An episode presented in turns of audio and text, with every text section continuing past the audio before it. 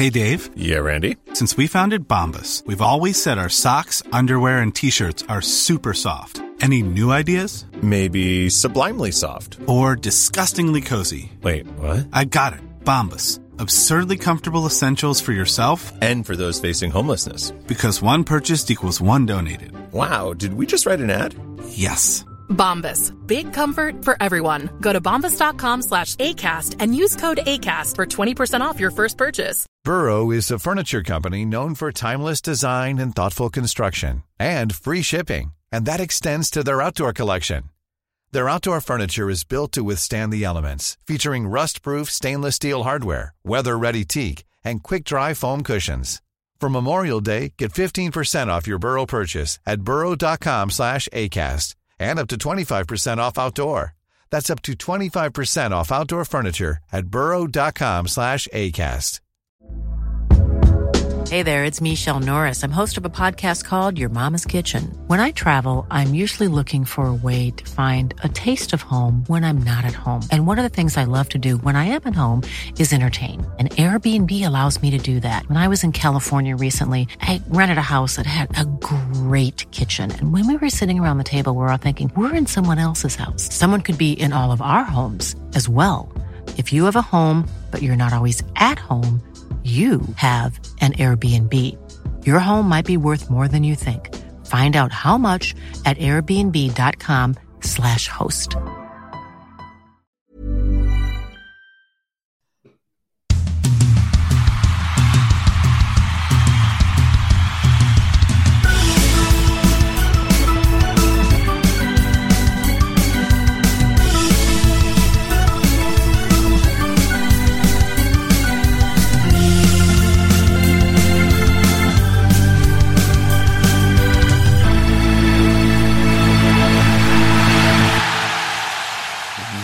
Välkomna till ett nytt avsnitt av Rinkside och då tänker ni direkt så här att det där är ju inte Lars som pratar. Nej, det är inte Lars. Det är Fredrik. Fredrik och Daggen sitter här och tittar på varandra och tänker hur ska vi överleva den här poddinspelningen? För våran kollega är ju med, men kommer direkt från tandläkaren Lars. Hur mår du?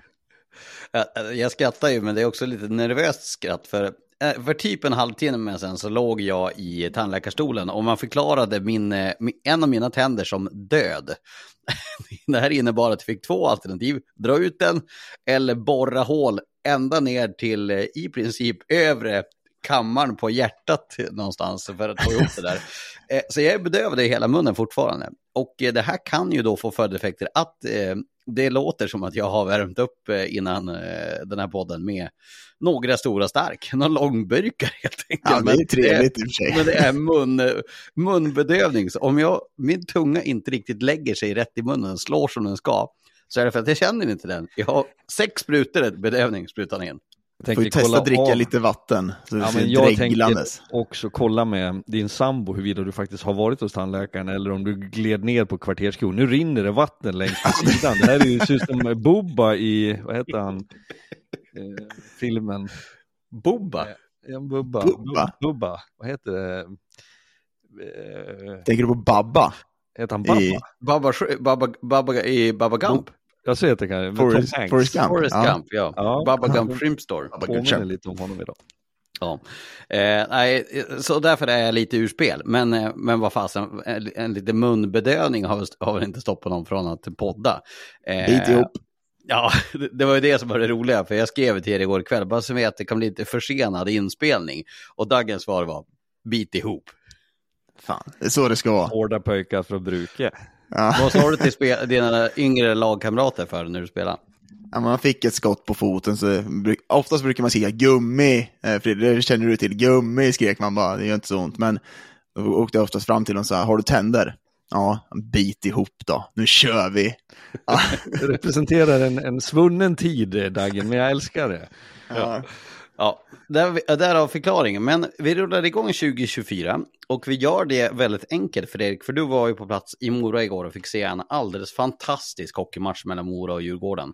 Eh, det går ju att bedöma det på, på flera olika sätt, men det var spännande, chansrik, målrik och underhållande från tv-soffan i alla fall. Ja, men det var det. Och Det var det att vara på plats också. Två lag som bjuder till. Eh det som vi ibland diskuterar vad som är underhållande hockey eh, och vi kan ha olika uppfattningar ibland. Men här tycker jag någonstans att det ändå landar i en helhet som är kul och det blir intensivt, det blir spännande, det är sen kvittering.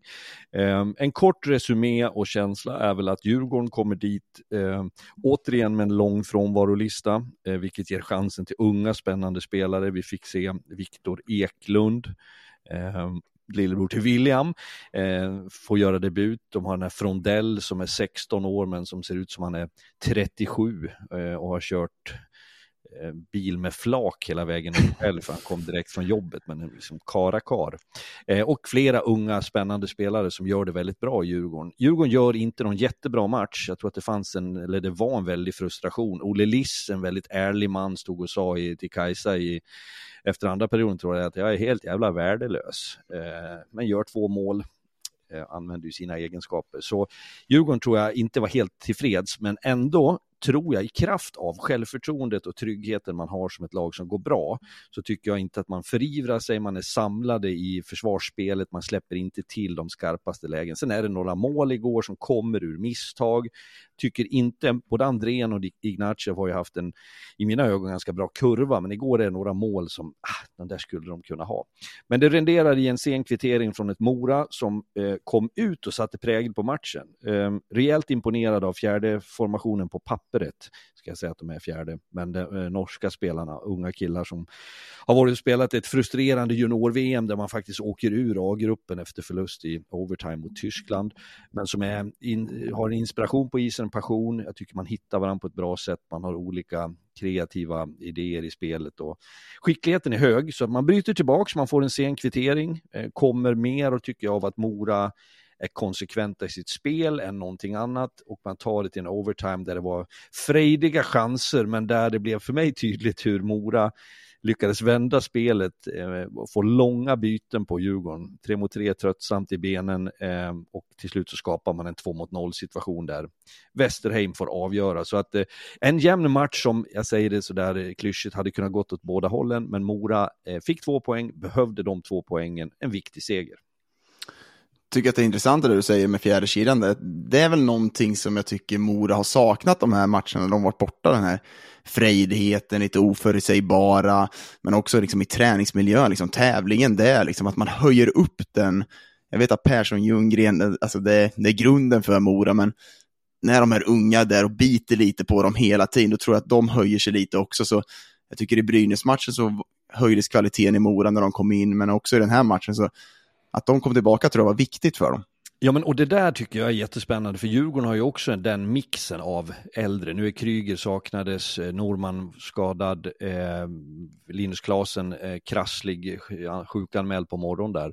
Eh, men i, i, normala omständigheter, att ha äldre rävar som har hög kompetens och skicklighet och rutin tillsammans med de här unga, det har vi pratat ganska många gånger om, mm. att det är inte länge sedan du eh, spelade eh, själv Dagen och vet att när du har en dag när du känner att fan, det är allt inte fräscht och så kommer en 18-åring och åker runt och eh, latchar med pucken eller ska tävla med dig en mot en. Alltså lika förbannad och frustrerad som du blir på den där lilla rackaren, lika lycklig blir du och du får en knuff framåt. Så mm. att det tycker jag att Mora visar eh, kvaliteter i. Sen ställer jag mig frågande till, över tid för Moras del så, så ska inte de här unga norska spelarna och, och eh, några till, jag är ju förtjust, vi har pratat om Rope Lavainen förut, tycker jag är ett jättesolitt jobb, Jakob Norén har en, en skicklighet, men ska Mora vara framgångsrika över tid, då är det ju Ljunggren, det är Persson, det är Måns Karlsson, Ilestedt som får en olycklig skada. Jag ska inte dra en diagnos, men det såg inget bra ut. Han var på väg till sjukhus när jag pratade med honom efter matchen där är ett dilemma för Mora. Ja, den skadan på Ilestedt är ju tuff, riktigt tuff. Jag tycker den kedjan, när Ilestedt är där, så tycker jag att den höjs till en ny nivå också. Karlsson är bra, de har spelat mycket tillsammans, men Ilestedt är en nivå upp där och jag tycker att det målet han gör är ju ren klass. Liksom. Så, mm. nej, men det, det, det är en tugg. Tillsammans med Levinsson borta där så är det, det är två spelare som Mora kommer... Ja, det kommer vara tuffa avbräck för dem. Och det kändes ju som att Levinsson är borta ganska länge, även Ilestedt nu också. Jag tror jag fick någon uppgift igår på, försiktig med som 6-8 veckor. Han gick ju med en stövel, eh, Levinsson. Ja, att, eh, det är inte jättebra. Man tror dessutom att det var, jag berättade fast man inte ska sånt kanske, men det var alltså på uppvärmningen. alltså utomhus, som man på något sätt halkar Nej. Det gjorde, när vi spelade kval mot Rögle, jag tror 2000, ah, skit vilket år det var, men då hade vi Andrew Engelage i mål. Då spelade vi två nudd som man spelar om man värmer upp med boll. Då bröt han tån inför första Mm. matchen. Fick vi ta in Emil Kruse som fick stå där, men det, ja, det där, den där känslan när man gör det där. Så slutsatsen är, ge fan i att värma upp. Man brukar värma upp inför att värma upp och så värmer man upp inför Precis. uppvärmningen och så värmer man upp. Hockeyspelare ju, har ju, vad ska man säga, man har MVG i att värma upp om man säger så. Eh, Vi ska komma in på lite organisatoriska grejer på båda de här två lagen. Men jag är ju lite grann så här frågande till Mora vad, vad Mora vill med sin identitet just nu. För att det är ju ett lag som jag räknar definitivt inte Mora till ett lag som kan gå upp den här säsongen. Jag ber om ursäkt Mora-supportrarna som lyssnar på det här. Eh, men Mora är inte tillräckligt bra för att gå upp i SHL den här säsongen. De har ett bra spel, men de har inte laget för det. De möjligtvis har målvakten för det. Men efter den här säsongen kommer jag tappa spelare igen. Alla de här som kommer fram, i fjol var det Heikkinen, eh, Axel Sundberg, Micke Tinac, eh, Olle Strandell och så vidare. Alla drog iväg. Nu kommer det vara samma sak, spelare kommer att dra iväg efter en säsong. Vad vill Mora vara? Vill de vara en, en sån klubb som bara gör spelare för att sen att de ska släppas iväg till andra klubbar? Man måste ju hitta någon form av ledning där, eh, Fredrik. Ja, och det där är, det där är en stor fråga och den är relevant i en tid av eh, ekonomiska utmaningar. Ehm, alltså det går att, att se det där i ett väldigt stort perspektiv. För det är ju i slutändan frågan vad man står för, vad man vill, vad drivs man av under skilda förutsättningar. Och tittar jag på specifikt Mora så det här har vi haft uppe till lite diskussion förut. förut. Det ska vara Johan Persson, det ska vara Daniel Ljunggren, Måns Karlsson och någon till som drar, som levererar, förväntas liksom ha en konstant hög nivå. När de inte gör det, när den tiden är över, vad är övergången för Mora? Ska de lägga stora pengar på att bygga en ny första lina? Har Mora de resurserna? Jag, jag tänker också, vi, vi har ju diskuterat mycket om att Persson, Persson, Ljunggren, Karlsson, de har ju varit liksom tryggheten, de gör sina poäng och då, har- då har de bakom liksom kunnat växa lite och blomma lite utanför det. Men när inte de levererar på den nivån nu, då, då tappar ju de det här liksom, som har varit det framgångsreceptet. Och Persson, Ljunggren, jag vet fasen om det inte är på sluttampen nu för deras sejour här i Mora, om inte de ska testa på och kanske åka utomlands och, och vara king shit om man får säga så.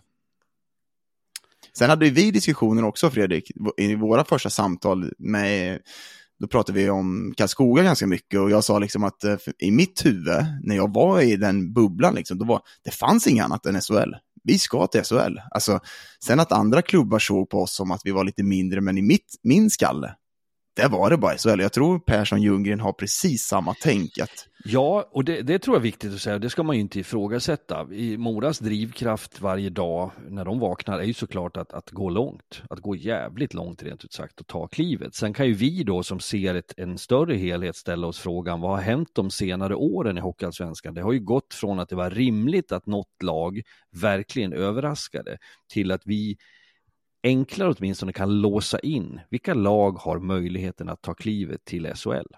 Mm. För det handlar om ekonomi. Det handlar om att vi har fått ner lag i Hockeyallsvenskan som är eh, mesta mästarna rent statistiskt. Eh, antal SM-guld som finns i Gävle, i, hos Djurgården, vi pratar Björklöven, Södertälje, AIK och några lag till. Eh, och då är ju Mora ett, en sån klubb som står i ett vägskäl. Man har gjort väldigt mycket bra saker senaste åren. Man attraherar unga spännande spelare som gör ett, två år, kanske tre, för att sen studsa vidare i sin karriär. Är man nöjd med det? Mm. Jag vet inte, men, vad har ni för känsla men nya serieupplägget för Hockeyallsvenskan? Är väl känslan att vi kommer få mer sådana klubbar? Det är ett fåtal klubbar som är ekonomiskt starka just nu. Är det de som bara har chansen att gå upp? Förut så hade man ju känslan, när det här nya kom in, tänkte jag säga, ja, nu har alla chansen, men ser man det lite nyktert nu så känns det som att det är bara ett visst antal klubbar som har chansen att gå upp i en bäst av sju, för det kommer ju slå ut. Eller vad, vad känner ni? Jag tror, att, jag tror att man kommer att behöva se över det här. För jag gillar ju konceptet med ett slutspel. Det jag inte gillar nu är att det är helt orimligt att Västervik med deras pengar ska kunna mäta sig med Djurgården. Alltså det finns inte möjlighet. Skulle de två vara konkurrenter så skulle rent krasst Djurgården kunna inför ett eh, slutspel. Ja men du, vi måste köpa er bästa spelare. Han får gå över till oss eh, lite grann som mästarna. Ni vet är mästarna när de går och hämtar Aaron Banks. Bara, du bor på fel sida linjen här. Ja, du går till de här istället. Nej men rent krasst är det ju så. Det finns ingen möjlighet att tävla. Och därför så måste man hitta på något sätt närmare mellanlag. Jag fattar att det bara ja, men... finns ett visst antal spelare, men, men man måste jo. se över möjligheterna att kunna konkurrera med varandra. Men den här klyftan som jag har tjatat om under mina år på tv, som jag tycker växer, eh, mm. det, det, blir ganska påtagligt och, och förstå mig rätt nu, jag förstår att det, det, är inte verkligheten, men vi gjorde förra veckan två matcher i Globen. Fullsatt, slutsålt Globen, onsdag, fredag. Sen kommer nyårsskiftet och vi åker till Västervik. Vi gör Västervik mot Kalmar. Alltså det är... När hela Sverige kollar på junior-VM-final. Det också. också. Men den matchen spelades ändå och, och ja. för dem var den viktig såklart. Så jag tror inte vi ska blanda ihop de begreppen. Men, men bara den verkligheten man kommer till med förutsättningar, med arenan, med rinken, med hur eh, människor är i, öppenhjärtliga, vänliga. Det finns ju en fantastisk sida med det där också, en föreningsmentalitet som i Västervik de vi springer på i korridorerna som mm. står och kollar biljetter och som är nyfikna på att det är tv-lampor som står där. Fråga mig, en kar där, vad är det för eh, glödlampor? Eh, nu vart det värmländska, vi ska inte gå in på mm. dialekter. Men alltså de har ju nyfikenhet och en, en helt annan, men det, det, är en sån kontrast till Globen som är enorm. Och det här är, är en och samma liga. Det här är mm. en och samma liga. Och det här är ju över tid såklart ohållbart. Men det är det som har varit lite charmen också. Ja. Med de stora lagen som kommer ner mot de små. Men jag säger så här, när vi var i Väster, det går inte att konkurrera. Det går inte att konkurrera. Men jag tror att, säger vi inte också charmen rent generellt kring vissa bekymmer som vi har? Jo, så är det. att se det som att det är charmigt ja. snarare än besvärligt. Verkligen. Men något som inte är så charmigt, lite styrelsen som hände i, om vi ska ja, gå tillbaka till... Vi är inne på det med, med alltså, vart Mora är på väg så är ju det minst sagt relevant med tanke på att det är ja. styrelsekaos. Det är andra Moraklubben nu så Fredrik, det är jävla bråkstakar som bor i Mora. Ja men i Hela... Dalarna med Dalarna. ja i Dalarna, för det var i Leksand var det tidigare här i somras, då var det ju styrelsekaos också. Nu ja, jag, jag, sa ju, jag sa ju till er, det är ju dalkararna eh, var ju hårda förr, vandrade till eh, Kungsbudan som man säger, till huvudstaden och satte press på, på styret i Stockholm. Eh, nej men, eh, det, vi ska försöka sammanfatta Mora-problematiken eh, som verkar vara en, en soppa eh, och en lång historia. På ett kort sätt så har det att göra med att eh, när tidigare klubbdirektören Peter Hermodsson lämnade så blev eh, Peter Masur som då har varit försäljningsansvarig och lite annat tillförordnad klubbchef eller klubbdirektör. Jag vet inte riktigt vilken titel de använder, men högsta mm. hönset. Ja. Eh, under hösten så har en process pågått eh, där man ska rekrytera en ny klubbchef och som jag förstår det så Peter Masur var eh, väldigt intresserad själv av att fortsätta det uppdraget och inneha den rollen. Styrelsen som den har sett ut har valt ett annat spår. Det här har ju dragit ut på tiden och eh, Mikael Simon som gästade studion igår bekräftade att det har tagit för lång tid. Vi pratade med andra människor runt om igår som sa att det, det har varit ett dilemma. Det här har gjort att två stycken ordföranden har avgått eh, under hösten. Eh, Mikael Lundström var styrelseledamot, lämnade i mellandagarna, gammal tävlingschef på förbundet och för övrigt förbundskapten i Kuwait en gång i tiden i hockey. Det ni, fick en bonusinfo. Kuwait? Ja. Och så sent som i måndag så var det mm, Karin Sticko Mjöberg, heter hon, eh, som har varit eh, PAMP får jag väl kalla det i Region Dalarna. Ett tungt namn. Släkt med Sticko Per Larsson då med tanke Nej, på Sticko, är inte gårdsnamn? Ja, fast hon stavar med Å och Sticko Per med O, så att eh, det kanske ja, olika Det är gårdsnamn va? Det, det, är det i grund och botten. Ja. Kom tillbaka till eh, Ja, Eh, och så det här är ju, det är ju rörigt, det är ett, ett sår. Och eh, det som sen skedde under matchen igår var att vi hade Mikael Simons som gästade oss. Och det är ju ett, ett, stort namn i Mora, tröjan i taket. Pappa Janne Simons, legendarisk ledare på den tiden. Det gick att ta sig fram i träskor och styra och ställa på egen hand. Eh, han hade då klivit in i rollen som vice ordförande och någon form av talesperson. Eh, men det som sen händer under matchen är ju att att Peter Masur då blir uppsagd under matchen som jag förstår det eh, på de signaler vi fick från, jag träffade som hastigast Peter och även andra som informerade under matchen och det här gick ju Mora Tidning ut med då igår kväll eh, som riksmedia också tog rygg på att han blev då uppsagd och hade sin uppsägning i handen där från rollen som tillförordnad klubbdirektör och det är nu Mikael Simon som har den. Eh, och det här är ju någonting som Daniel Hermansson säger i intervjun, nej men det påverkar inte oss. Jag såg Daniel Ljunggren sa att nej men det, det har inte skvätt över på. Så, så här långt så, så, står man väl emot, men det är ju ett dåligt tecken för en, en traditionsrik, eh, stark, mindre klubb i svensk hockey som har varit en trygg och lugn miljö. Så det är oroväckande såklart för Mora. Ja men det är väl, eh, jag, jag har varit lite chockad när jag hörde för det, som du säger Lars, vi var inne på liksom att det är en förening, en klubb som liksom fostrar många unga, som det är lite lugn och ro. Man kommer till den här trygga, Johan Heber har varit där länge, liksom, som har gjort ett bra jobb. Men att det blir det här liksom lite kaosartade, det, det, det tror jag kommer påverka, om, inte den här säsongen, men den här säsongen kanske man, om man tänker på laget så kanske man kommer ihop som grupp, att man liksom, äh, men nu är det bara vi här inne i omklädningsrummet, vi skiter i de yttre påverkningarna, men om en, två, nästa säsong så det där kommer på, det kommer rucka dem lite. Ett, ett ordval som användes igår frekvent, både eh, av gäster vi hade och även som jag läst mig till, det är att man pratar om yttre påverkan. Och för mig är det just nu att det skulle komma upp ryska ubåtar i Silja. eh, jag vet inte vad yttre påverkan innebär, men det är jag tror så här för att summera det. Mora skulle behöva lägga korten på bordet. De skulle behöva vara transparenta. Vad handlar den här problematiken om? För att det är ett jättefarligt läge om man får eh, inre Eh, störningar på, på den nivån. För den slutsatsen tror jag vi kan dra allihopa. Vilka klubbar går bra i idrottens värld? Jo, de som har ordning och reda från toppen och hela vägen ner. Det ska ju sägas att eh, det är i, i mina ögon, så länge jag har följt ishockeyn på nära håll, så är det det första eh, liksom, tecknet på framgång. Stabil ledning. En, sta en stark styrelse som vågar stå emot när det brinner en klubbdirektör som fattar vad som behöver göras och en sportchef som är sportsligt kunnig. Eh, jag ska upp till Skellefteå idag, eh, folk vet att jag är född, född i den stan och jag ska eh, kommentera Skellefteå mot HV. Där har du två lag som är i helt olika skiften.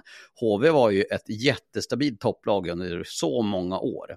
Där de nu har varit ner, på väg ner i skiten. Och idag ska ju faktiskt inför matchen P.A. Israelsson hyllas som jag hade 25 år. Han tog ju eh, Skellefteå från att eh, han var ju på för att lämna in konkurspapperna till att göra Skellefteå till att vad hade de sju eller sex, sex finaler på sju år eller om det var sju på åtta eller något sånt där.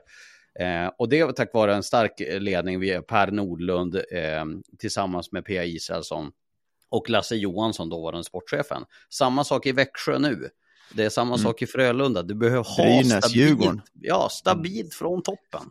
Sen, sen har det skett en förändring och, som är uh, relevant. För uh, nu är inte PA så länge sedan i, i Skellefteå, men om du tittar bakåt. Vi, vi nämnde Janne Simons var i Mora. Mm. Leksand hade Olle Öst. Du hade Glennerts i, i, i Färjestad. Du hade han, Danny Eriksson i HV71. Det har ju funnits, men då var det en tid där du hade en stark kraft andra tog rygg. Det jag menar lite grann är att vi går ju åt ett håll där den eh, kraftfulla ledaren ska ju göra sina saker. Förr var ju den kanske sportchef och betalade löner och såg till att allting funkar med att gå längre tillbaks. Nu behöver du också ha en styrelse. Och den frågan har ju aktualiserats. Jag är för okunnig eh, på liksom det juridiska kring deras eh, så att säga eh, rättigheter och skyldigheter, men att de, det måste fungera där för att du ska kunna ha en klubbdirektör, sportchef, olika titlar som också gör sitt jobb, men inte, det får inte handla om en person. Det får inte det finnas väl... en som är starkare än, än, än klubben. Nej, så är det väl. Men det är väl därför Brynäs Djurgården har, ligger i Hockeyallsvenskan nu, för att de inte haft ordning och reda på grejerna. Och det är mm. därför HV trillade ut. Man tänkte ändå när HV liksom byggde upp någonting under Hockeyallsvenskan, att man hade lärt sig någonting.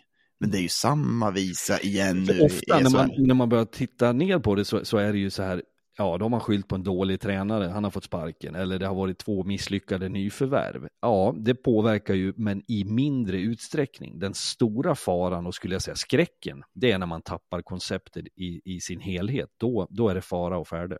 Och det ja. blir ju frågan med Mora nu. Ja, de står i så... vägskäl. Exakt. Mm.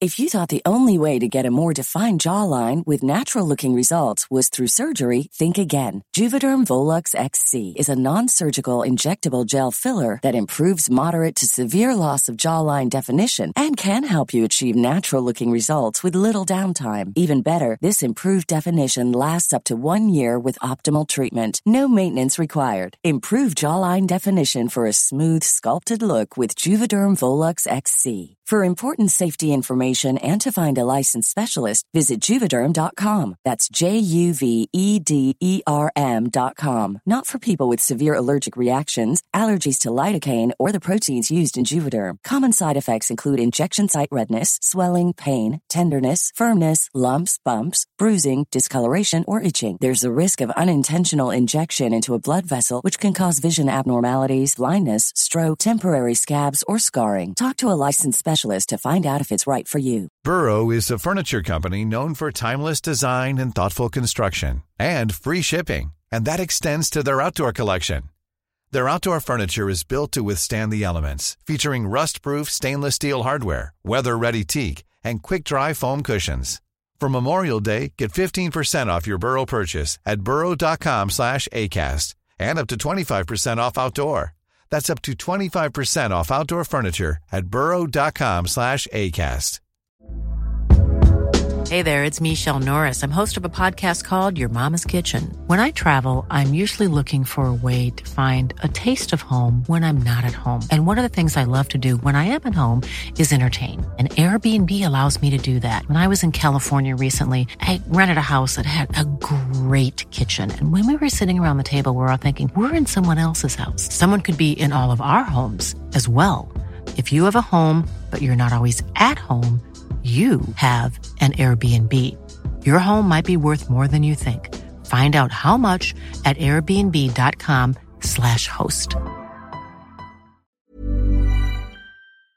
Eh, jag tycker att vi ska återkomma lite grann till matchen också, för, eh, för det var ju några saker. Vi såg Ilestedt, såg ingen bra ut den skadan. Norman, ny frånvaro på John Norman, det är ju hur många som helst.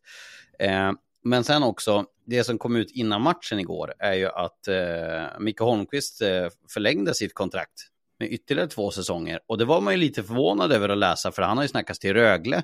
Han var, eh, det är ju klart, som jag har väldigt goda uppgifter på, liksom många andra, på att eh, Robert Kimby är klar för Djurgården. Så har jag förstått det. Och då undrar man ju då, Dagen, ska, han vara, ska de ha tre tränare helt plötsligt? Eller vad, jag Ja. förstår ingenting på det här. Nej, men att, att Holmqvist, vill han vara kvar, eh, då, då tycker jag att det var ett självklart. Alltså om man kollar på den tiden han har byggt upp här.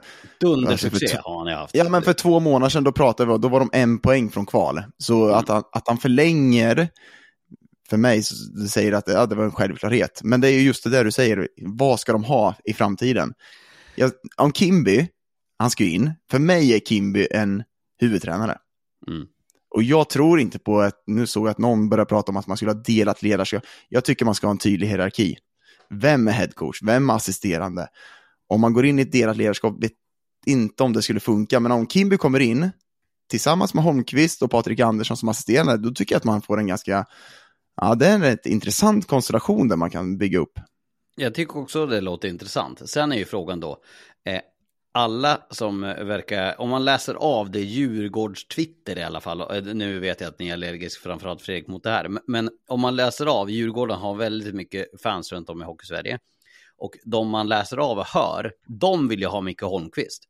Vad ger det då Robert Kimby för, för mandat från start, om de har liksom ersättaren klar två meter bort? Men jag, jag, jag backar lite grann nu till hösten eh, när Holmqvist får ta över. Jag tar ingenting från Mikael Holmqvist. Det som Djurgården har gjort sedan han blev chef i båset är ju inget annat än djupt imponerande. Jag tror dock inte sanningen ligger fullt och helt i att Mikael Holmqvist har förändrat Djurgårdens sätt att spela hockey på, ledarskapet, coachningen. Det som skedde för mig var, man kom till en punkt där det blev ohållbart med den förra ledningen. Det, det blev en kollision mellan spelarna och tränarna i samband med att spelarna indirekt, för det går inte till så, det ska vi också vara tydliga med, att spelarna säger att nu ska tränaren bort. Men du, du, det pågår ju en process och till slut så, så tar man ett ansvar och säger att det, det, det, är ohållbart. I samband med att Holmqvist steppar upp och blir ansvarig så tar ju spela, spelarna ett, ett betydligt större ansvar. Och man har den typen av spelare, jag tänker främst på Marcus Kryger, som är en informell ledare av Guds nåde. Det är en imponerande karaktär och kraft. Jag känner inte honom personligen, men det känns som jag har gjort 200 Djurgårdsmatcher de sista åren och stått några meter ifrån dem, så det känns nästan som att jag har tränat Djurgården ibland. Eh, så det är ju det som har hänt. Och problematiken, det enda problemet med det här, att Djurgården går så bra med Mikael Holmqvist. Det är precis det du nämner, eh, Lars. Exakt. Det är att man tror att det är han som har frälst dem. Han säger ju själv när vi pratar med honom att det inte är så. Sen har ju han sannolikt fått en boost och han ska sträcka på sig, han ska vara stolt, han ska vara glad, han har gjort det här, han har varit med i det. Men sanningen är bredare än så, så att för mig är det inte det här jättekonstigt. Det enda som jag ställer mig frågande till, det är huruvida han, att, det, att han är 100% bekväm i att ta ett kliv tillbaks igen. Eller har han fått smak för att vara frontfiguren och därmed känna att det här är ju ett helt annat jobb som passar mig ännu bättre, det här är roligare. Vi pratade väl, jag vet inte om det var podden eller om du och Fredrik pratade om det, att det sista för någon månad sedan när det började förändras lite i Djurgården där, det sista Djurgården ska göra nu är att förlänga med Holmqvist och sätta honom som huvudtränare. Exakt så. Sa vi då. Alltså det är, ja, men, det är lätt att göra en förändring när man kommer in som tränare, man ändrar lite. Det, det, brukar bli en effekt. Nu tycker jag att det har gått så lång tid så man ser ändå att, som Fredrik är inne på, spelarna har tagit större ansvar. Det ser ändå bättre ut. Visst att man har lite problem i spel, mycket skador och sånt, men för mig så är det tydligt att Kimby, Kimby ska vara huvudtränare för mig. Det är klart. Och sen har man assisterande. Ja, det, det, är den och, uppdelning jag tycker man ska ha. Och, och delat ledarskap, det, det, det, är värdelöst. Det funkar inte. Det, det funkade förut. Du, Lars, var inte du som hade någon eh, parallell till, eller vem var det vi? Nej, det var Tobbe Karlsson, vår kollega igår, som direkt har svar på tal. Att då, då, går vi till fotbollstränare och mm. eh, Lagerbäck kunde göra det och så vidare. Men har det, har det funnits i hockeyn? Ja, det har funnits försök med det och vi ska också komma ihåg... Falk och Aro hade väl i Djurgården efter Barry Smith till exempel? Ja, och du hade faktiskt på pappret Bemström och... Eh, Bossic, eh, eller vad det fan? Bossic, Bossic och Bemström, på pappret.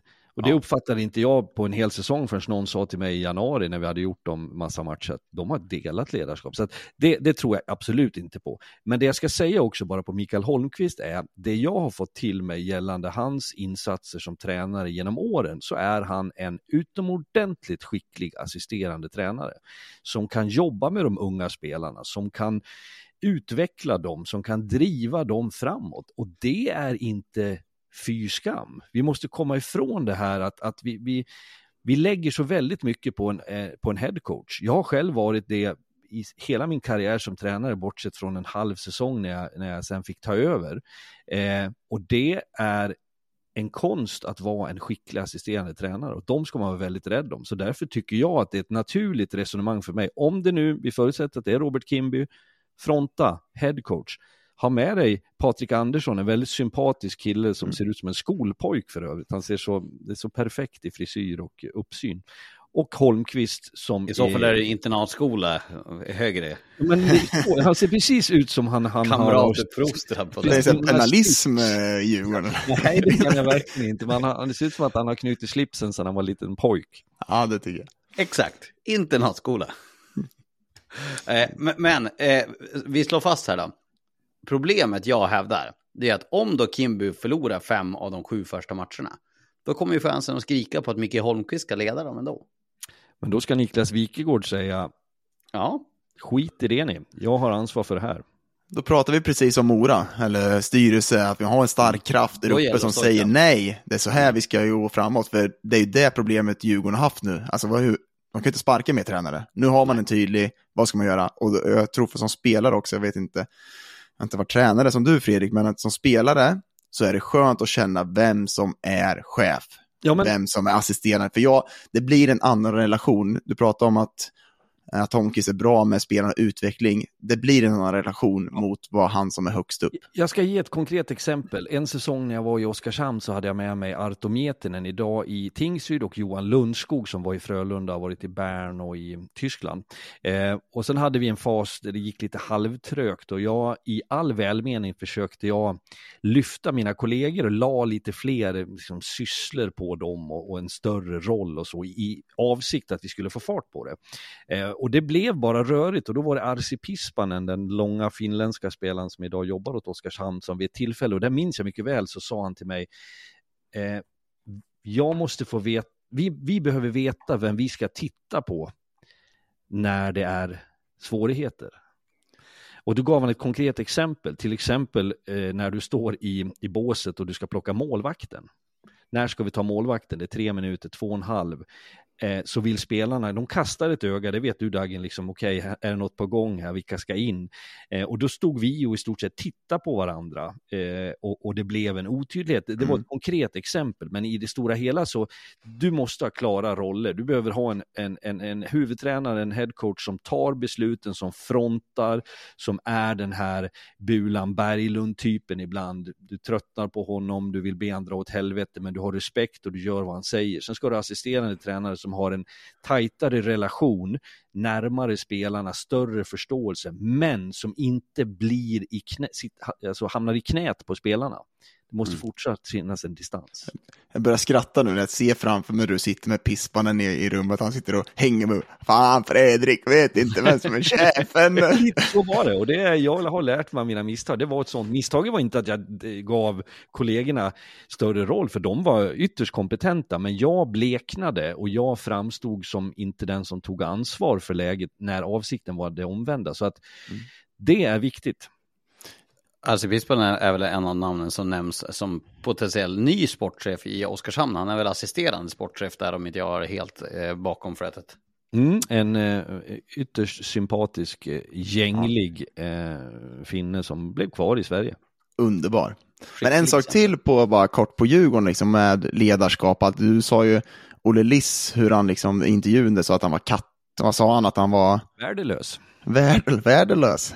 Men just hur man har behandlat spelare och under Garpenlöv också med ledarskap och få utveckling på dem. Olle Liss, visst, mycket pucktapp, ser rätt knackig ut ibland, men alltså den där edgen han har igår, avgörande liksom för att komma tillbaka till matchen, det är inte många som har det. Och att liksom låta honom göra lite misstag, göra bort sig lite, men att han, han har, har den där edgen. Han har en offensiv spets som väldigt andra får Men det är ingen som har det. Och att men man, man inte får ta ut... det onda med det goda. Ja, och att man inte ut, liksom, utvecklar honom och jobbar med honom och liksom, fan, har vi den här grabben? Har vi Olle Liss med det här slagskottet, då måste vi utnyttja det. Nu touchar du vid en grej som jag är fäst vid och tycker är väldigt intressant och det är att hur du förvaltar det du har. Det, det är ett slit och släng samhälle pratar man om i det vanliga livet, men det har ju tyvärr också smygits in i hockeyn att okej, okay, han är inte tillräckligt bra, ut med den, in med den. Hade vi haft vår tidigare kollega Harald Lyckner med oss som pratar mycket om det här med FIRE och hur du bygger grupper och, och hur det som var liksom en, en bärande del i grupp, gruppdynamik för så är ju den det sättet vi lever lite på hockeymässigt idag bygger ju inte den där starka solida gruppen. Sen förstår jag att man vill rekrytera bättre spelare, men du har vad du har. Och det har jag sagt det förut, du får öppna kylen, vad kan jag få för lunch idag, vad ligger det för grejer, kan jag göra något med det där baconet, eller har baconet gått ut? Alltså det är en tränares uppgift att göra så bra du kan med det du har och då är det kombination. Sen ska jag säga för att försvara tränardagen, jag ser att du nickar medhållande nu, så jag lägger mm. Det kräver ju också att det är spelare som är respektfulla nog gentemot laget och förstår att okej, okay, nu kanske jag har en sämre period, jag tar den här bänkningen, jag spelar inte PP de här två matcherna. Det är klart att det blir frustrerande, men det får inte fälla gruppen. Tro mig Fredrik, jag har varit kapten i sex år. Jag har fått jobba med det där själv. Jag trodde så. du menade på den punkten att inte det blev PP, att det var där jag skulle Fan, vad många missförstånd där. Eh, Missförstådda så många tränare. ja, klassiker. Under så många år också. eh, ska vi ta oss till Gävle? För eh, det är ju, utan att sticka under stolen, så är det ju en av de eh, de största nyhets, eh, nyhetshändelserna som har hänt den här hockeyallsvenska säsongen. Att eh, vi vet alla hur mycket vi har pratat om målvaktssituationen i Brynäs. Eh, det vi vet nu är att Brynäs har, eh, har arbetsbefriat Anders Lindbäck. Det innebär att Anders Lindbäck är fortfarande eh, under sitt kontrakt resten av säsongen, men han kommer inte att spela för Brynäs IF.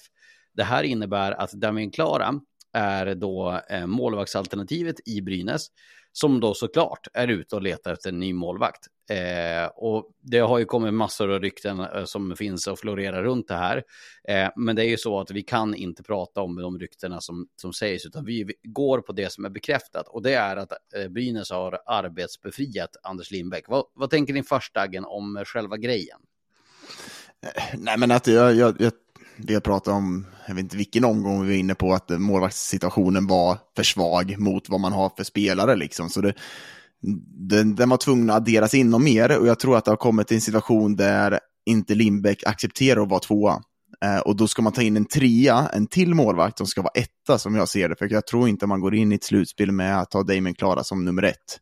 Och att då ha Lindbäck som trea, det hade blivit infekterat. Jag tror inte det hade hållit liksom, i gruppen och det hade blivit problem. Och därför man valt att gå den här lösningen, vilket jag tycker man gör rätt också. För du kan inte ha en så stark målvakt som inte accepterar det och då, då kommer det inte bli hållbart på tid, över tid. Jag kokar ner det ännu ett kliv. Eh, alldeles oaktat vad som ska ha skett så är det rätt spår för Brynäs att eh, försöka hitta en, en, en klar etta. Eh, Klara, som nu eh, ska vara tvåa, eh, gör det ju jättebra. Och det är ju en potentiell stormålvakt över tid.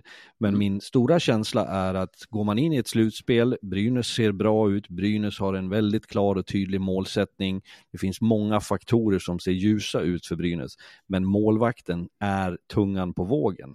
Sen kan man ställa sig den frågan då, vem ska in? Ja, Money Talks har vi sagt Brattström många. försvann ju, ska jag bara säga. Brattström försvann. Du ska ta din testaggen. Brattström, Brattström blev idag klar för, för Färjestad. Så det blir inte Brattström som vi många hade spekulerat om. Och och- för. Ja, oroas för jag. Men Oh, ja. ring AIK. Ja, Tobias Norman. Jättebra målvakt. Här har ni en slant med pengar. Du får inte så säga sådär, de blir jättearg. Det Jag var en som visade mig, en Brynäsen var jättearg när jag sa Ignatjev då, köp loss honom. Och då blir de här Mm. rasande. Eh, Vi eh, har ju till uppgift att provocera ibland också, så att ibland ska man ta ett djupt andetag och tänka Mm, Exakt, ja, jag kanske Men, skulle ha eh, tänkt till lite. Men alltså, ibland måste man kanske kolla, vilka behöver pengar? Jag tycker Norman är en bra målvakt. Är han första? Ah, det vet jag kanske inte att han kommer gå in och... Men han kommer ju definitivt höja målvaktsnivån. Kan Tingsryd tänka sig att släppa Rydén? De har lånat ut han. Kan de, de det är har inte- 10 poäng ner. Kan de tänka sig att eh, om eh, tre veckor när de är klara sälja Rydén? Det, det är ju inte tillräckligt bra målvakt för att vara etta kanske, men Sen tror jag man, man ska ha klart för sig att eh, ofta säger vi så här, ja men han spelar där. Men eh, tro mig, väldigt många spelare har av olika skäl, det kan vara privat, det kan vara sportsligt, du kommer inte överens med tränaren, du tycker inte spelet är bra, du får inte istider, som vill iväg. Så att det, det uppstår ibland öppningar, så att jag har svårt att se att man ska våga gå på ett oprövat internationellt kort. vad tur att jag har lösningen åt det då. Ja. Och åt Brynäs. Vad, eh, har ni något mer eller ska jag bara säga svaret? Så, Ja, men ska du ta det en från Frankfurt eller? Nej. Nej, okej. Eh, låt säga, vi vet att eh, Joel Lassinantti uppe i Luleå har eh, drabbats av körtelfeber. Han eh, förväntas nog ändå komma tillbaka och vara helt i slutspelet. De har eh, Mattias Ward som tvåa. David Rautio är överflödig i Skellefteå och i eh, Luleå då. David Rautio har varit lysande de matcherna han har spelat den här säsongen. Eh, och är fortfarande, han täv, eh, tävlar mot Luleå nu, han har tävlat mot Skellefteå tidigare under säsongen. Han har varit i Brynäs tidigare, känner föreningen bra, han är en meriterad målvakt, han är stabil framför allt och du kan lita på David Rautio. Brynäs, ring David Rautio. För, er som inte ser nu ska jag säga, länge sedan jag såg en så arrogant människa Lars som du drog igång nu. Du viftar lite med handen. Det där var well played Lindberg. Den där var Jag, ser, genomtänkt. jag har ju varit med NFL-studio på söndagar nu, där jobbar jag med Oskar Strauss som är norra Europas minst ödmjuka människa, så jag får liksom steppa upp lite grann för att ta det. Jag smög in Norman lite, men, Ja, men det här var klara besked. ja, men han har ett bra ratio, så det, ja, Ja. det är jävla härlig. Ja, det var bra. Det var bra. Men eh, o, den är ju inte omöjlig heller. Verkligen inte. Nej, eh, sen jag såg också någon rubrik om att det, det brinner i, rumpan på Alsen eh, för att det är tajt på tid, men eh, det är fortfarande en månad kvar. Ja. Eh, och jag tror inte man behöver ha någonting på fredag bara för att man möter AIK, utan Klara klarar av att spela bra hockey, Brynäs ligger i en bra position och därför så tror jag att man är så klok och genomtänkta i Gävle-gänget att man, man verkligen ska hitta bästa tänkbara lösning. Sen tycker jag att ändå, har inte Brynäs hittat någon, den här allsvenska rytmen någonstans? Att det känns som att de liksom, de har kommit in i det här nu, det, mot bottenlaget skulle de inte ha på takten, de liksom vinner det, kanske inte spelar på topp, men de vinner matcherna mot topplagen. 6-0 Kalmar igår, det var ju ruggigt stabilt. 10-2 mot Östersund, som, så du, som du säger Dagen, det är helt rätt. Det är ju det, de vinner ju de matcherna de ska vinna nu. Mm. Och det är bra. Nästa steg är ju att man i toppmöten, om jag får kalla AIK det för ett sånt här nu fredag kväll, som det är väl du och jag i alla fall på plats, Lars, va? imorgon. Yes. Eh, så, så kan AIK brösta upp sig. De hade ju haft, de har haft tuffa, jämna matcher. Senast på Hovet så är det ju en sen upphämtning av Brynäs med två ja, mål sista minuten. Mm. Årets eh, match ska jag säga. Ja, det får du säga. Eh, årets avslutning i alla fall. årets sista minut. eh, nej, men och, eh, klarar man av det också. Men, men att, att Brynäs är bra, det räcker väl att titta på tabellen. Ja. Mm. Eh, jag, jag, vet att det här, är en, det här blir liksom eh, spånande och det, det, det, har inte hänt. Men vi såg det ju med HV, där Adam Åman kom in och stod. Vi såg det med Hävelid i, i, i fjol. Eh, vad, inte Hävelid, förlåt, eh, Myrenberg eh, i eh, Djurgården. Vem blir nästa namn då? Vem ska hoppa in och påverka det hockeyallsvenska slutspelet från SHL? För jag menar, det är ju mycket troligt att det här kommer att ske igen.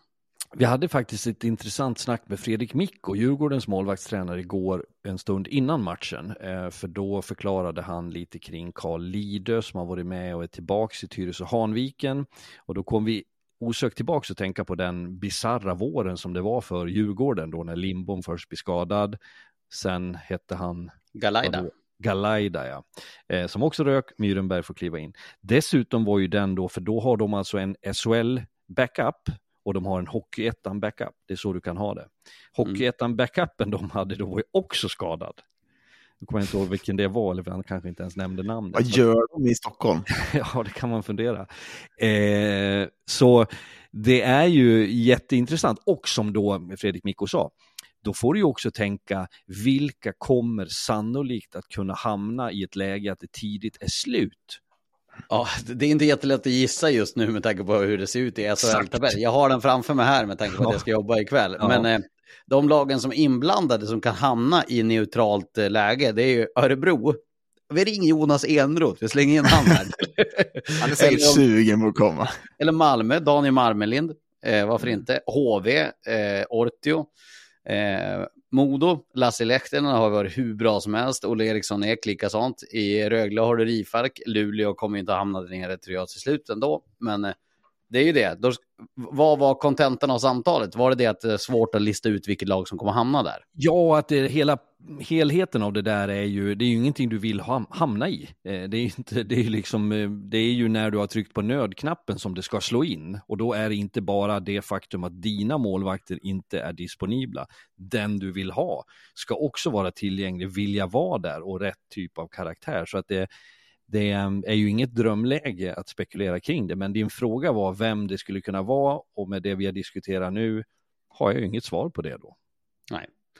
Dagen, visst är du med mig på, på tåget att vi skrotar den här jävla regeln att man från Hockeyallsvenskan får låna en SHL-målvakt in i kvalet?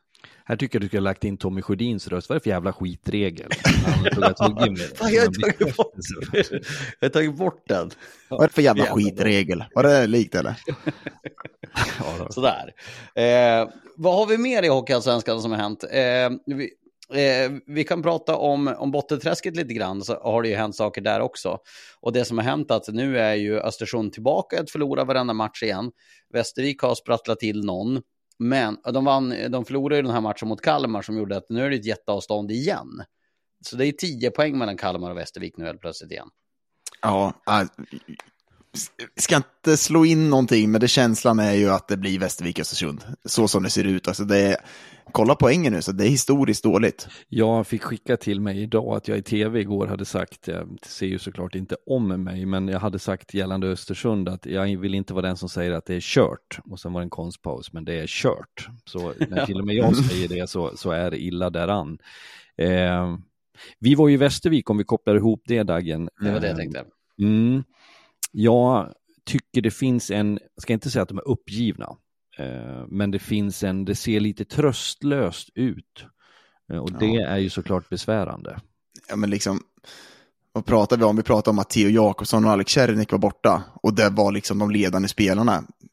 Hugo Gabrielsson på defensiven har varit riktigt bra. Men det säger en del om att man inte har träffat rätt. Alltså Anton Svensson, Anton Svensson har varit bra, alltså gör sina grejer, men McGrew 7 poäng, Karabashek 15. Nej, nej, och du, liksom, du förlänger med Bunchis, ja det finns säkert en uppsida med honom, han har gjort 8 poäng som utlänning. Mm. Alltså det är inte tillräckligt bra, de har inte varit de som ska leda det här laget. Det har varit Czernik, det har varit Theo Jakobsson, det har varit Gabrielsson då, då ligger du i botten, tyvärr. Och sen det, att man... det krävs ju där eh, några eh, härförare av importerna, som Västervik genom åren till och från har varit bortskämda med. Då blir det så mycket enklare för de andra att ta rygg, fylla en funktion, hitta en roll, slita i ett boxplay, bidra i ett PP, eh, men inte föra det. Mm. Ja. Sen också... Men McGrew, liksom, vad är grejen? Han, han, gör poäng var åttonde match liksom och, och ska vara värvad som en stjärnspelare. Det är ju, jag håller med, jag det är ju för dåligt.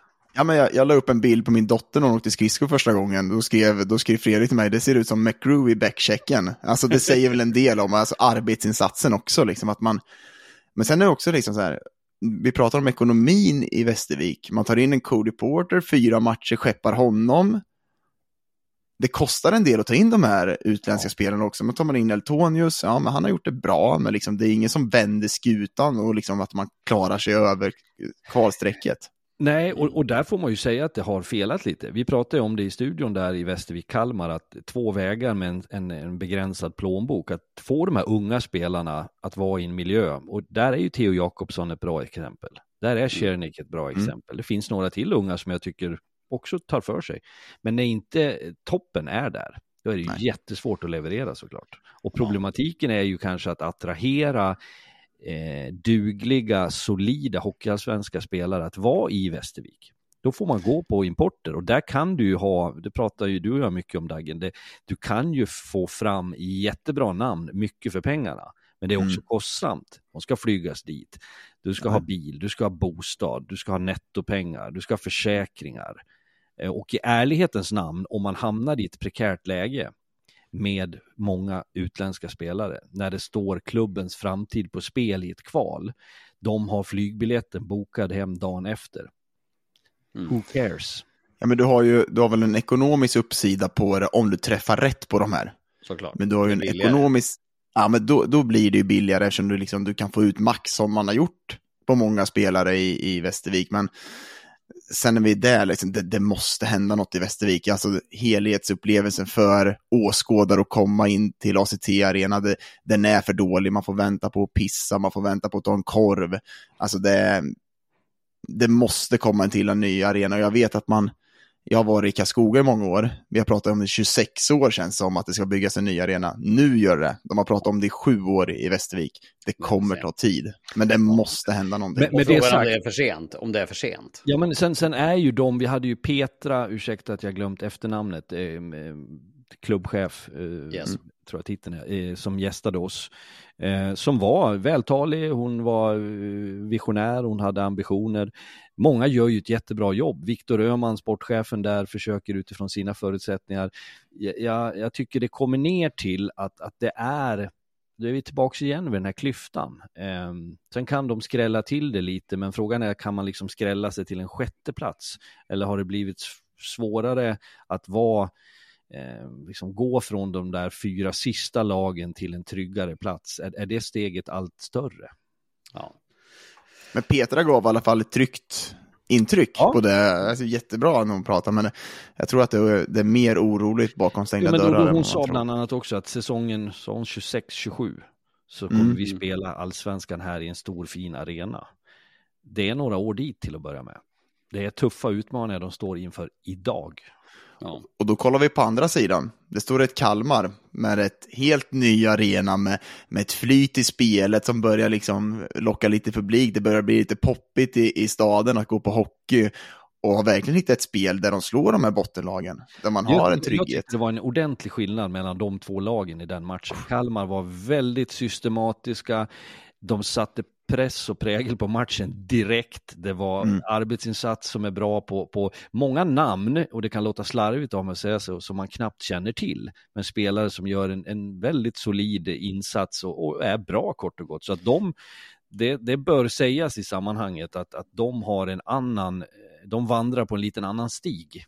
Nu åkte man ju på en, en rejäl smäll igår, men ändå, jag tycker att eh mot de här konkurrenterna som ligger i botten har man ju ändå ett spel som de vinner mot. För de har plusstatistik där. Och det är, det finns en, jag har ju sagt många gånger med det här spelet med backarna, liksom, att man följer med, man är väldigt frejdig i det här spelet. Och det, mot topplagen tror jag man måste bli mer cynisk. Jag tycker ändå att det visar i tredje perioden, vi pratade om det efter matchen Fredrik, att man liksom stängde ner dem. Ja. Och det måste du hitta mot de bättre lagen också, för du kan Skillnad inte byta chanser. mot Västervik som stod och pratade om att vi har slagit Brynäs hemma.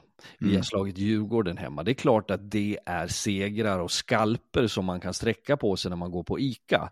Men ska du inte vara i botten så är det ju de kollegorna på den andra halvan av tabellen du ska slå. Det gör ju Kalmar avsevärt bättre än Västervik. Vi tog ju fram en statistik när Modo mötte Örebro i en jätteviktig match här just innan nyåret. Att Modo hade tagit 27 av 33 poäng mot lagen som låg bakom dem i tabellen. Jag menar, det är ju exakt det man ska göra när man ska ha, när är enda målet att hålla sig kvar. Vinn matcherna mot dem som, där det blir ett, då kan ni, ja, det blir en sexpoängsmatch helt enkelt. Exakt så är det. Mm. Vart ni nu? Södertälje eller eh, Umeå? För vi kommer nästa vecka snacka lite mer Västerås, AIK och Brynäs. Med tanke på att vi ska göra AIK och Brynäs imorgon. Ja. Det blir mycket Södertälje nästa vecka också. Vi är två matcher i Södertälje, så vi kan ta det till Umeå. Ja, jag, jag måste bara flika in. Fyra assist av Videll igår. Det var Konungens återkomst. Men för, för Björklöven eh, och för Viktor Stråle, två monumentalt viktiga segrar. Alltså jag tror att, eh, alltså för vad som hade hänt om de hade förlorat de här två, det, det, det, vet vi inte nu. Men det vi vet är att det var två tunga segrar där Jonna Voutilainen var ju läskigt bra.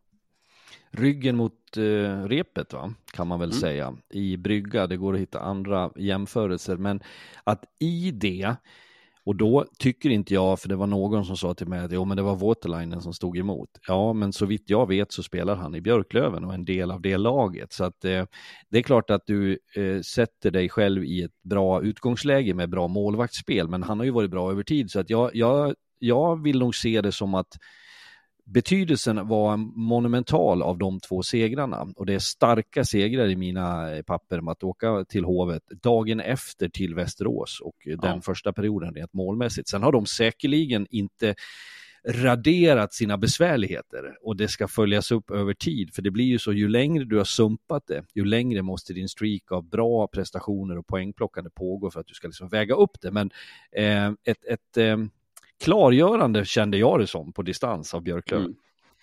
Men lika mycket som att Kalmar vinner mot sina bottenkonkurrenter så känns, min känsla är att när Björklöven spelar på topp mot seriekonkurrenter uppe, topp 6, så är det en nivå till på dem. Sen kan de checka ut lite mot Västervik, Östersund och sådana matcher. Det händer. Ja. Men de, de, har en, de har en hög nivå där. Men eh, Ja, ja Voutilainen är riktigt bra alltså. Men hemmafacit. Hemmafacit ja. ska bli intressant att se nu. De har alltså 15 matcher, 6 vinster, 7 förluster. Karlskoga imorgon. Nu har man dock en första kedja som har kommit igång, men det jag saknar bara på hemmaplan, som jag tycker man har sett under många år i Björklöven, det här våg efter våg, man kommer med den här tyngden hela tiden, följer på i spelet. Det, det ser man inte på samma sätt och det, de har inte de spelarna nu heller med Mayer, eh, Powell, Dove Nilsson. De syns ju inte så mycket i spelet. Nej, men och jag tycker kanske att, att man inte, det som skuggar eh, det du pratar om, böljande, trycket, det är har varit en tid en bristande effektivitet. Mm. Då, då, då, då kommer det lite grann i skymundan, då, då, då hamnar problematiken någon annanstans. Jag, jag, jag ser kanske inte att de har ändrat sig särskilt mycket i det spelmässiga, utan de har inte fått betalt för det. Eh, Kan man Mm. börja få det så det kommer en trygghet, då, då tror jag att man är ett, då har man ett annat tryck i grejerna. Men det blir spännande. Karlskoga ikväll hemma då som ni sa. Och så sen har Nybro borta och eh, tuffare matcher mot de här Smålandslagen där de ska möta Tingsryd, eh, Kalmar och lag längre ner i tabellen då innan det blir eh, Djurgårdsmatcher och så vidare. Så att nu kommer ju det testet då. Efter de här två viktiga segrarna kan man bibehålla det när, när det är lag på den nedre delen av, av tabellen. Och inte minst då Karlskoga som vi, vi var och såg eh, när de slog Björklöven senast. Och då, Och de är bra, ska vi säga det, har ett väldigt bra facit på Björklöven. Ja, och, Och- generellt bra siffror just nu, gör det ju bra. Ja, försvarsspelet börjar se bättre ut. Eh, offensiven glänser inte, men alltså fem mot fem spelet. Sen omgång åtta. Vi pratade om Karlskogas powerplay har varit klappkast då. Då har de inte gjort ett mål. Sen omgång åtta har man 38,5 i powerplay. Det gör att man vinner matchen, men defensiven med Kull och Tillander. Jag hör från spelare att det är en mer feedback bakom, liksom på träningar. Det är mer direkt feedback på bänken som uppskattas väldigt mycket, som gör att försvarsspelet ser tryggare ut och då har man ett powerplay som liksom levererar så börjar man också vinna matcher. Och jag tyckte också bara kort eh, när vi träffade på Dennis Hall uppe i Umeå mot Björklöven där i mitten av december någonstans så, så tyckte jag ändå att trots omständigheterna att han kändes relativt lugn och det är ju en viktig faktor för de här lagen som svajar lite grann att man inte kastar och överger sina ideal utan att man fortsatt gnuggar vidare på det så att eh, den helheten har Karlskoga gjort bra men även för dem som vi var inne på nyss har man satt sig i skiten så tar det tid att klättra sig ur och då får man ha lite tålamod. Fem segrar på de sex senaste. Hörni, eh, nu har klockan sl- eh, slagit så pass mycket att jag måste snart börja hoppa i bilen och åka till eh, SHL-match ikväll. Daggen, du har eh, en grej att flika in. Har vi slutat med veckans Larry? Vart det en vecka Nej, bara? men eh, vi, vi har ju bara haft det en gång. Ja. Förra, förra veckan var det ju årssummering som var ett litet undantag. Så Har att, ni någon veckans Larry? jag tycker att du Daggen borde kunna Veckans. Larry ska vara något positivt. Får jag, får jag säga en sak nu? Nu, nu ska jag, den här står Din jag för. tandläkare som var så duktig idag. Nej, fy fan. Det här, vad, vad har vi för motsats till veckans Larry då? Har vi någon, har vi någon, eh, någon eh, som hamnar i skiten? Vem har vi som är klavertrampet? Veckans Ursut, törs vi säga den? Har du blåst förbi? har du blåst Men jag har veckans Larry. Jag har veckans Larry. Vem är veckans Larry då? I matchen mot Västervik, eller Västervik-Kalmar, så har vi ändå en briljant passning. Och Larry Pilot var ett spelgeni, han gjorde mycket mål assist, så Erik Norén ger jag veckans Larry. Jag tar den vecka två också, den passningen till T.J. Reedis när han lobbar. Han lobbar så fint och så. T.J. Reedis åker in i den. Ja, det där var ett klassspel. Jag fick se den två, tre gånger. Fredrik, hur många repriser ska du ha? Men jag ville se den flera gånger. så Erik Norén, jättebra spelare i Kalmar som har kommit upp här. Så han får av mig. Erik den. är veckans Larry alltså? Han är veckans Larry för den passningen. För det var hockey-IQ och det hade Larry Pilot. Så Jag, jag har bara en sista fråga till dig också Daggen. Eh, nummer 59 i Västervik, vad heter han? hörde ni den? Henrik Neu, Neu, Neubauer. Jag tror jag hade tio så- varianter på Neubauer, men vi slår fast det. Och det sjuka var att, att under sändningen så tänkte jag så här, nästa gång han kommer in, då ska, då ska jag skita i namnet. Men ändå skulle jag ge mig in där. Och det var fel. Det är sånt Ja, det var jobbigt. Vi, vi efterlyser, ni är skickliga lyssnare, skicka jättegärna in förslag via Ringside eller till någon av oss tre. Förslag på vad veckans bad guy är, eller veckans eh, klavertramp, veckans negativa grej. Vad För det ska här, heta nu, jag, jag smsade till er igår i våran eh, sms-tråd där som vi har med Hockeyallsvenska gänget. Och jag står för den här. Anton Eriksson borde ha så pass bra självbild när han kommer in i Mora nu. Att han ser då, hoppar in i Mora. Han är inte en poängspelare. Anton Eriksson, du ska vara en tuff och hård spelare. Du ska inte ha nummer 10. Ta bort numret. 53. Vi som vurmar. 68, nej inte 68, eller 53. Du ska ha ett brunkarnummer, 25, Nummer tre. 27. Ja, Nummer men tre. tre. Inte nummer 10. Inte vår Pavel Bure, rör inte nummer 10. Det är som Exakt. 99 i hockey. Håkan Bogg, lyssnar du på det här? Jag kommer att följa upp det här. Och Håkan Båg, du kommer att ställas till svars personligen om Anton Eriksson spelar med nummer 10 fortsättningsvis.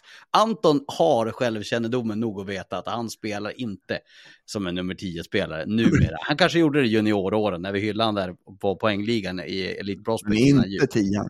Nej, Rör inte tian Lars. byt det är jag med dig. nummer. Bra. Ja, det här ska vi gå till botten med. Ja, Bogg ska jävlar mig före här. Nu, hörni, nu måste vi sluta. Eh, håll kvar så säger vi till alla lyssnare eh, tack för den här veckan så ses vi snart igen. Mom deserves the best, and there's no better place to shop for Mother's Day than Whole Foods Market. They're your destination for unbeatable savings, from premium gifts to show-stopping flowers and irresistible desserts. Start by saving 33% with Prime on all body care and candles. Then get a 15-stem bunch of tulips for just $9.99 each with Prime. Round out Mom's menu with festive rosé, irresistible berry chantilly cake, and more special treats. Come celebrate Mother's Day at Whole Foods Market.